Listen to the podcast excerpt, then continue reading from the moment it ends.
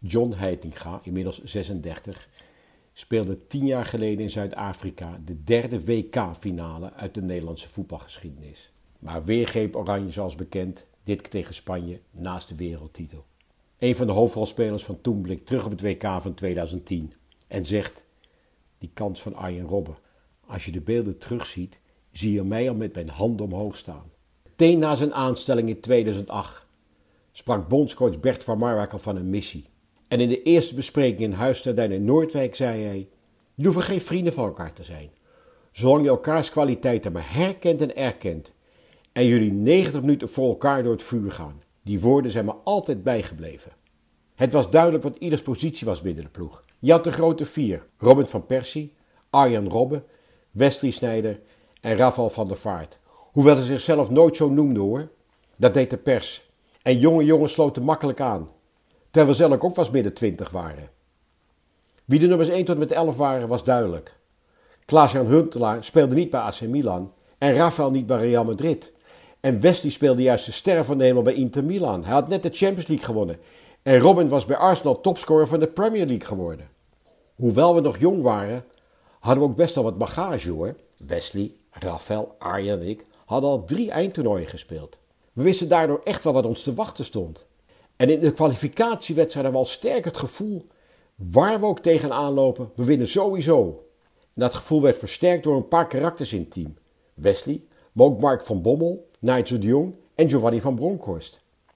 Tijdens de voorbereiding in Zeeland in Oostenrijk twijfelde ik enorm of ik het WK wel zou halen. Ik had bij Everton drie maanden met injecties in mijn voet gespeeld. Daar had ik enorm veel last van. Voor het WK wilde ik het zeker voor het onzekere nemen en ging ik naar specialist Cor van der Hart.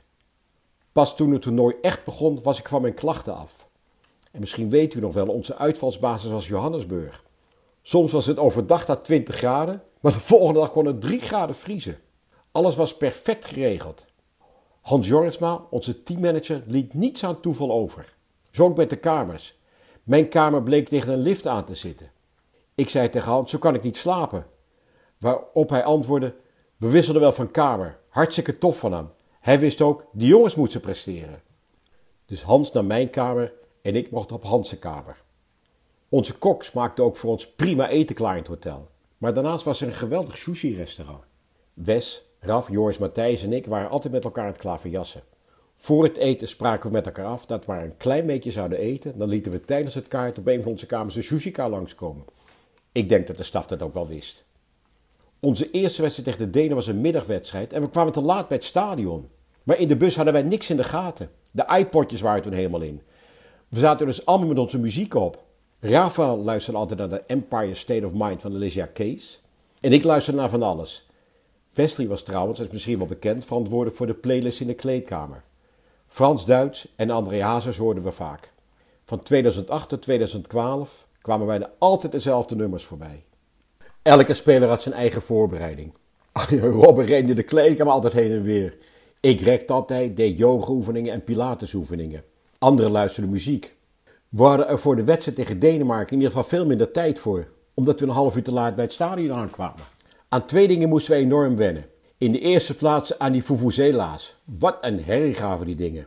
Je hoorde nauwelijks stadiongeluid, alleen die toeters. Maar nog belangrijker was die bal. Die was verschrikkelijk. Als je te hard trapte, kreeg je zo'n enorme snelheid. Toen ook met de luchtdruk te maken, omdat we op hoogte speelden. We wonnen overigens dik verdiend van de Denen met 2-0. Alle vastheden zaten er goed in. Nigel de Jong, Mark van Bommel, Giovanni van Bronckhorst, Gregory van der Wiel, Joris Matthijsen en ik vormen een blok. Een blok van zes, zeg maar. En de voorste vier waren vrij. En toen hadden we het al over de as bewaken. Nou, dan zit bij ons dicht hoor. Desondanks speelden we niet heel goed. Ons eerste doelpunt op het toernooi was notabene een eigen doelpunt van een Deense verdediger, Daniel Egger. En Dirk Kuyt maakte vlak voor tijd de 2-0.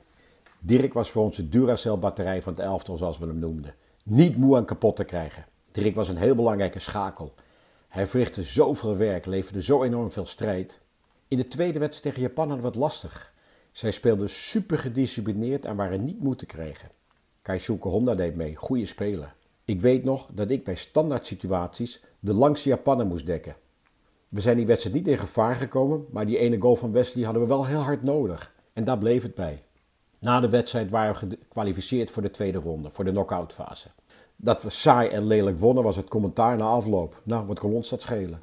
Ook was er een eindeloze discussie over onze verdediging. Die zou zwak zijn.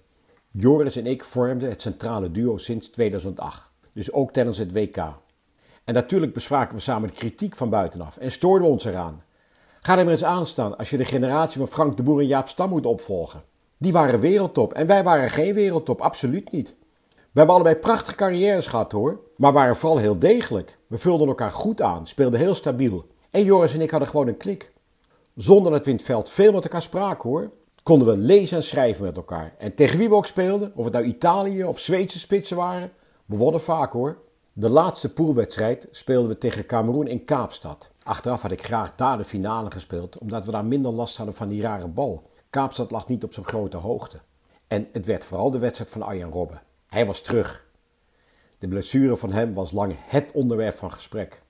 Ik zie het nog voor me. Een van de laatste ballen die we in de uitzwaaiwedstrijd tegen Hongarije raakten, was een hakballetje van Arjan. We zagen meteen naar zijn hamstring grijpen. Shit, dachten we. In Oostenrijk trainde hij apart en werd hij behandeld door Dick van Toren. Het werd voor hem een race tegen de klok. Arjen was een van de sterren, we hem echt nodig.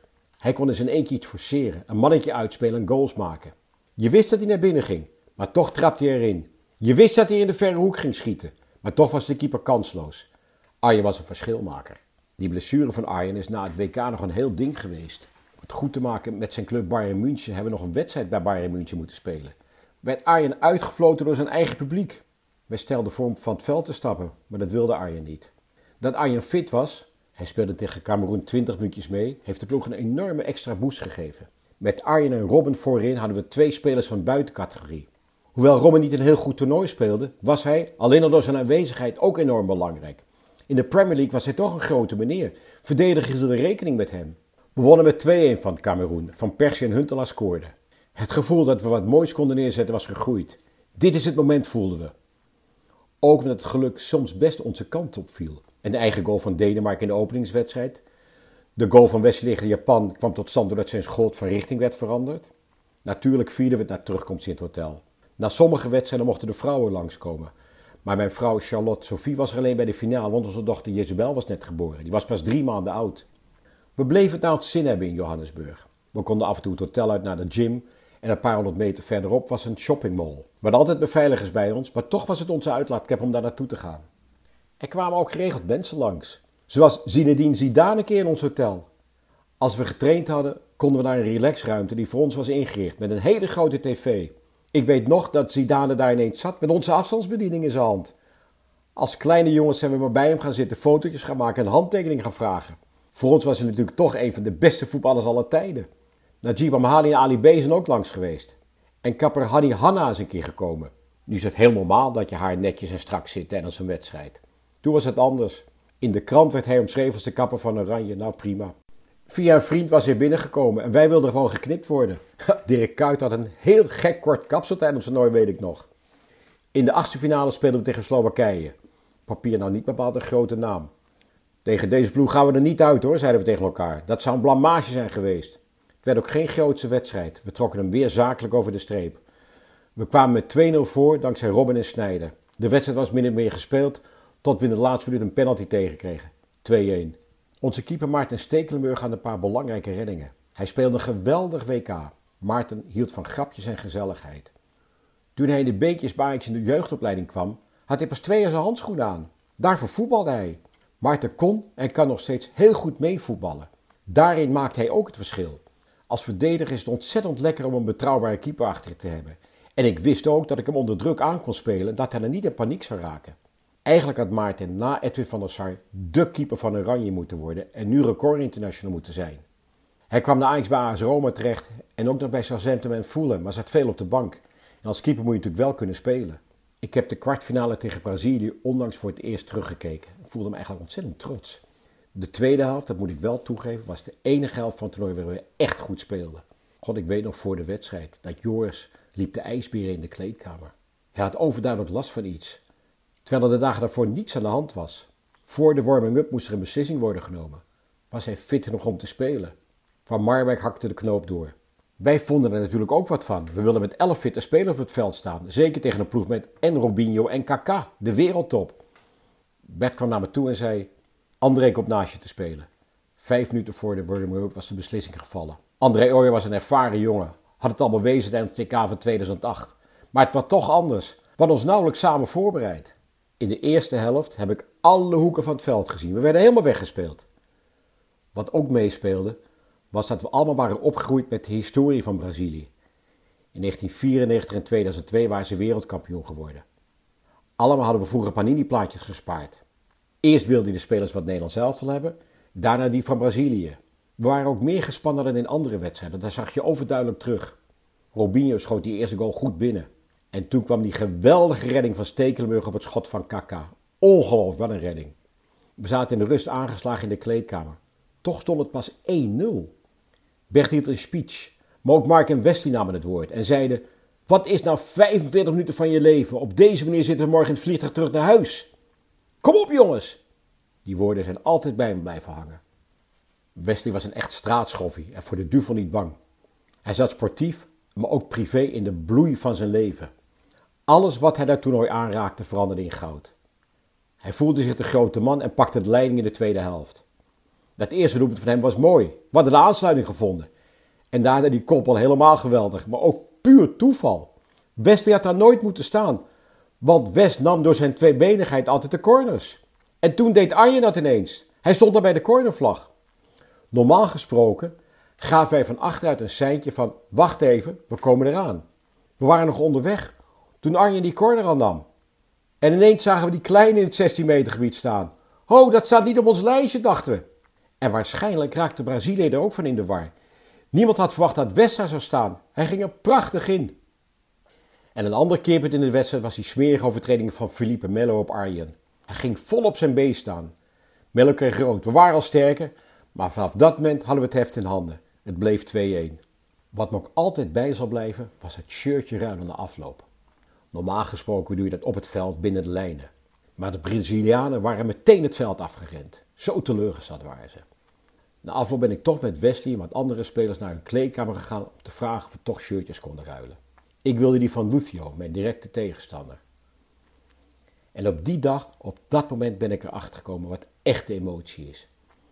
Ik heb nog nooit zoveel tranen gezien in een kleedkamer. De uitschakeling van het grote Brazilië heeft die spelers zoveel pijn gedaan. Iedereen was gebroken en kwamen wij er even een souvenir ophalen. Ik zal die beelden nooit meer vergeten. Later in het hotel hebben we die overwinning natuurlijk uitgebreid gevierd. Ook Bert en de staf deden mee. Met zijn assistenten Frank de Boer en Philippe Cocu hadden nog samen gespeeld. Daar hadden we een enorme klik mee. Frank liet zich wat meer gelden, Philippe wat rustiger. Ze speelden een heel belangrijke rol. Hielden ons alert en bij elkaar. Ze bekommerden zich bijvoorbeeld ook heel erg om de wisselspelers, omdat ze wisten dat we alle spelers uiteindelijk nodig hadden. En had je Dickie Voren nog, hè, Cookie. Die was er ook bij. Hij was een heel belangrijke schakel tussen Bert en ons. Bert was in mijn ogen een echte people manager. Hij was heel duidelijk in wat hij van ons verwachtte. Tegelijkertijd gaf hij ons veel vertrouwen en liet hij ons vaak ons eigen ding doen. Ontspanning was voor hem heel belangrijk. Zo zijn we een keer met z'n allen naar Robben-eiland gegaan. Volgens Wesley het Arjen Robben-eiland. Wes had zich in het hokje bij de kapitein opgesloten. Hij kon heel goed Edwin Evers nadoen, die Frank de Boer imiteerde. In de bus luisterden we altijd naar het bandje van Radio 538. Die hele boottocht deed hij Edwin Evers na. En op het eiland liepen allemaal pingwins rond, waarvan Wes riep dat die zelfs geen bal van Arjen zouden krijgen. Arjen was natuurlijk een dribbelaar en zelfs de pingwins werden er gek van. We hebben wel gelachen op die boot hoor. Maar op het moment dat we op het eiland kwamen en het verhaal van Nelson Mandela hoorden, die daar opgesloten had gezeten, waren we allemaal muisstil. Toen we Brazilië hadden verslagen, wisten we het eigenlijk al dat we de finale zouden halen. Uruguay was op papier een flinke hobbel, maar Luis Suarez was geschorst vanwege die hensbal in de kwartfinale tegen Ghana. Nou, dat scheelde wel wat hoor. En ik kwam tegen mijn maatje te spelen, Diego Forlan. De trap van Caceres tegen de tanden van Demi de Zeeuw staat me nog op mijn netvlies. Die was zo akelig. Mocht Demi eindelijk spelen, werd hij vol op zijn mond geschopt. S'avonds bij het eten zag het er niet fijn uit. God, wat heeft hij daar lang last van gehad. Die ene van Giovanni van Bronckhorst was geweldig. Nu zou ik denken, waarom schiet je van die afstand? Maar de bal vloog zo mooi naar binnen. En iedereen mocht Gio. Hij was een geweldige aanvoerder. Gio bewaakte de eenheid en bewaarde de rust. Was echt de leider van het team. Hoefde nooit brandjes te blussen hoor. We gunnen hem die goal enorm. Na de gelijkmaker van Forlan scoorden Wesley en Arjan. In de negende minuut viel toch nog die 3-2. Die had nooit mogen vallen. Daar waren we afloop best kwaad over in de kleedkamer, want er waren afspraken niet nagekomen. Maar ja, we stonden wel in de finale. Wes en Rafael gingen naar de studio. Wes zat nog met Jack van Gelder op schoot. En in de kleedkamer kwamen kroonprins Willem-Alexander en prins Maxima bezoek ons te feliciteren. De meeste van ons stonden nog onder de douche. We gingen met hen op de foto met net nog een handdoek omgeslagen. En een aantal van ons ging nog het veld op om de overwinning te vieren met de fans. We worden wel een beetje van de gek die hier in Nederland heerste. Maar er was in die tijd veel minder social media. Dus we maakten het niet echt mee. Dat was ook ons voordeel, denk ik. We konden de focus houden. Daarna kwam gauw het besef dat we de grootste wedstrijd van ons leven zouden gaan spelen. Toen bleek dat het KNVB een hele grote fout had gemaakt. Na de halve finale moesten we ons hotel uit in Johannesburg. Niemand had er blijkbaar rekening mee gehouden dat we wel eens een finale zouden kunnen halen. We moesten na al die weken ineens weg van onze vaste plek. Ons huis van dat moment moesten we verlaten. Het was gereserveerd voor mensen die naar de finale kwamen kijken. Dat kan er bij mij nog steeds niet in. Samen met de WK-finales in 1974 en 1978 was dit de belangrijkste wedstrijd in de voetbalgeschiedenis van Nederland. En wij moesten ons hotel uit. Maar ja, of ons dat nou van het stuk heeft gebracht, ja, dat kan ik ook niet met zekerheid zeggen. De avond voor de finale tegen Spanje sliep ik prima. Ik sprak even met mijn vrouw en ik ging, zoals voor iedere wedstrijd, in een warm bad zitten om te ontspannen. De ochtend van 11 juni volgde gewoon hetzelfde ritueel als altijd. Dus ontbijten, korte wandeling, kaarten, korte bespreking, lunch en slapen.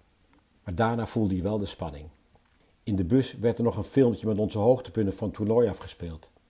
Maar Bert hield geen speech à la Al Pacino in de film Any Given Sunday of zo. Shakira trad op voor de finale. Ze trainde ook in de gym waar wij trainden. En Nelson Mandela reed in een karretje het veld op. Sommige jongens gingen naar buiten om te kijken. Ik bleef in de kleedkamer. Maar niemand van ons heeft Mandela daar ontmoet. Dat vond ik nog wel jammer. Het mooiste moment was voor mij de warming-up. Ik krijg nog steeds krippenvel als ik daaraan terugdenk. Vanuit de kleedkamer moesten we een trap af om het veld op te komen. Als een stel gladiatoren liep het stadion in. Een orkaan van geluid kwam ons af. Iedereen klapte voor ons. Dat gaf zo'n boost en zo'n ongelooflijk gevoel van trots. Wesley zei, voordat we het veld voor het echi opliepen... Niet naar die beker kijken hoor, dat brengt ongeluk. Iedereen keek braaf naar links. Ja, de eerste helft waren we onszelf niet. Die overtredingen van Nigel en Mark. We hadden in die fase nooit met z'n elf op het veld mogen blijven staan. Spanje was ook echt beter. Ze waren in 2008 al Europees kampioen geworden. Wij hadden een gouden lichting, maar ja, dat zei je ook. We hadden een paar wereldtoppers in ons elftal. Maar bij Spanje waren ze dat allemaal. Ik was bijvoorbeeld geen wereldtop. En ja, die kans van Arjen in de 62e minuut. Als je de beelden terugziet, zie je al mij al met mijn handen omhoog staan. Voor ons was het rot, maar voor Arjen helemaal. Wij wisten allemaal, degene die op dat moment zou scoren, zou wereldkampioen worden. Eigenlijk was er daarna nog één cruciaal moment.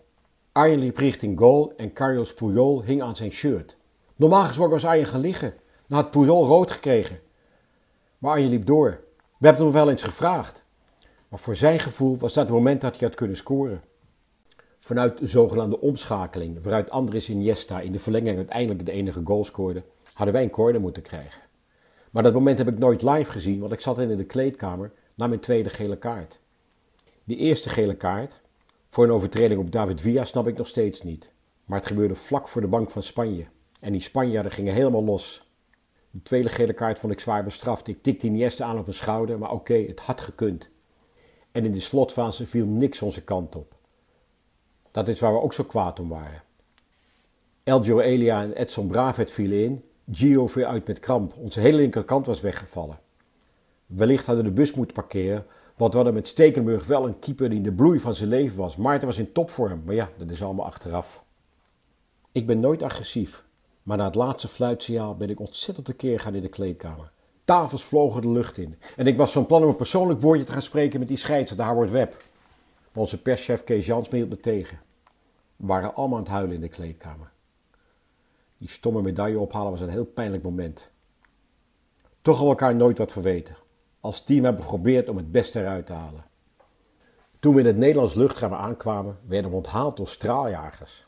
In Huis Duin was ook iets georganiseerd voor ons. Maar we hadden helemaal geen zin in een feest, ons hoofd stond er niet na. Achteraf moet ik toegeven was het wel heel leuk, want we zagen onze dierbaren weer. De volgende dag gingen we met gevechtshelikopters naar koningin Beatrix. Sommige spelers zijn nog heel misselijk geworden en moesten overgeven. Ik ben ook expres voorin gaan zitten. En daarna nog die rondvaart. Toen we in die helikopters over Amsterdam vlogen, was het museumplein nog helemaal leeg. Maar toen we bij de grachten aankwamen, niet normaal. We dachten, wat hebben we teweeg gebracht? Maar ook, wat was er gebeurd als we wel wereldkampioen waren geworden? We waren enorm trots, maar ik dacht ook, in Spanje vieren ze nu de wereldtitel. Het is geen open wond hoor, maar het blijft eeuwig zonde. Dat sterretje, dat we zo graag boven het leeuwtje op het shirt hadden gehad, was zo mooi geweest. Nu zijn we, net als in 74 en 78, unieke generatie waar het wat als gevoel blijft.